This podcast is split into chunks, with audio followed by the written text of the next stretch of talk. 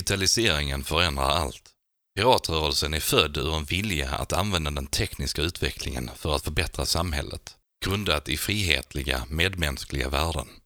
Vi är en rörelse som förstår att digitaliseringen förändrar politikens villkor och möjligheter. Tusentals generationer människor har levt på jorden. Bara ett fåtal har levt omgärdade av digital teknik. Digitaliseringen förändrar allt. Allt fler saker förvandlas till datorer. Bilar är datorer med hjul, flygplan är datorer med vingar, radion är en dator med högtalare och bankomaten är en dator med pengar i. Allt mer av våra liv styrs av artificiell intelligens. AI påverkar vilken väg vi tar till jobbet, vilken film vi ska titta på med våra barn på kvällen, vilken information från politiska partier vi tar del av och vem vi borde dejta. Den digitala tekniken påverkar på djupet hur vi använder tjänster och söker information, hur vi umgås, hur vi formar våra identiteter och gemenskaper. Den ger nya möjligheter att delta i sociala och politiska processer på ett sätt som öppnar dörrar för effektivare, mer inkluderande och öppna organisationer. Det digitala offentliga rummet är dit vi tar oss för att höra utmaningarna till mediebilden och politikernas uttalanden. Det är där vi handlar. Det är där vi umgås med våra medmänniskor. Mycket av det vi tidigare har tagit för givet, hur arbete organiseras, individens rättigheter, tilltron till institutioner och vad det innebär att vara mänsklig, ifrågasätts världen runt som följd av hur vi anpassat oss till den digitala revolutionen. Digitaliseringen förändrar allt. Den tekniska utvecklingen påverkar vad det betyder att vara människa. Våra sinnen förstärks av digital teknik. Vi kan agera över betydande geografiska avstånd genom att klicka på en knapp. Våra sociala jag sträcks ut över hela jordklotet. Tekniska verktyg ger nya möjligheter till att umgås, arbeta, träna, sova, äta och dejta. Vi är inte längre bara människor av kött och blod, utan vi består också delvis av tekniska förstärkningar.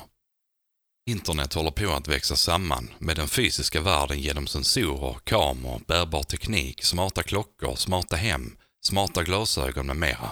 I framtiden kommer vi ytterst sällan särskilja internet från den fysiska världen. När du går in i ett rum kommer du inte bara interagera med fysiska objekt, utan med hundratals olika uppkopplade system. Du kommer ge dem information, få information från dem och genom er interaktion kommer rummet att formas efter dig. Denna framtid utmanar både institutioner och politiker. Det avkrävs svar från hur vi kan hantera digitaliseringens effekter på samhället.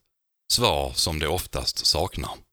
Människan anpassar sig ofta snabbt till sin nya verklighet, men politiker och lagstiftning är långsammare. Hur ska vi skydda mänskliga rättigheter i ett informationssamhälle? Hur ska vi bevara människornas autonomi när övervakningen har blivit en del av vår vardag? Hur ska vi upprätthålla konkurrens på de digitaliserande marknaderna?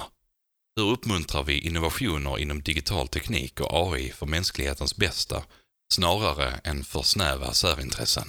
Hur reglerar vi processerna för automatiskt beslutsfattande rörande till exempel socialbidrag? Detta är frågor som föråldrade institutioner och politiker är illa lämpade att hantera. Däremot är det frågor som Piratpartiet skapades för att besvara. Med digitaliseringen finns en enorm potential för människor att öka sin frihet och värdighet och delta i samhället. Detta är möjligheter som dagens politiker väljer att försumma.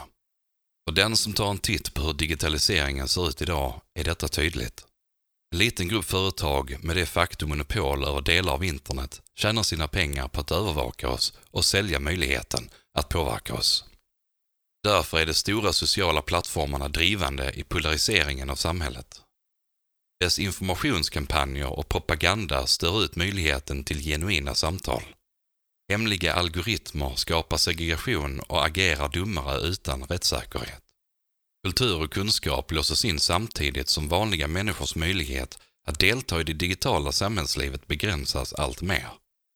Det digitala utanförskapet riskerar att bli en avgörande klyfta mellan olika grupper i samhället. Äldre, lågutbildade, fattiga och många andra grupper riskerar att lämnas utanför samhället när det digitaliseras.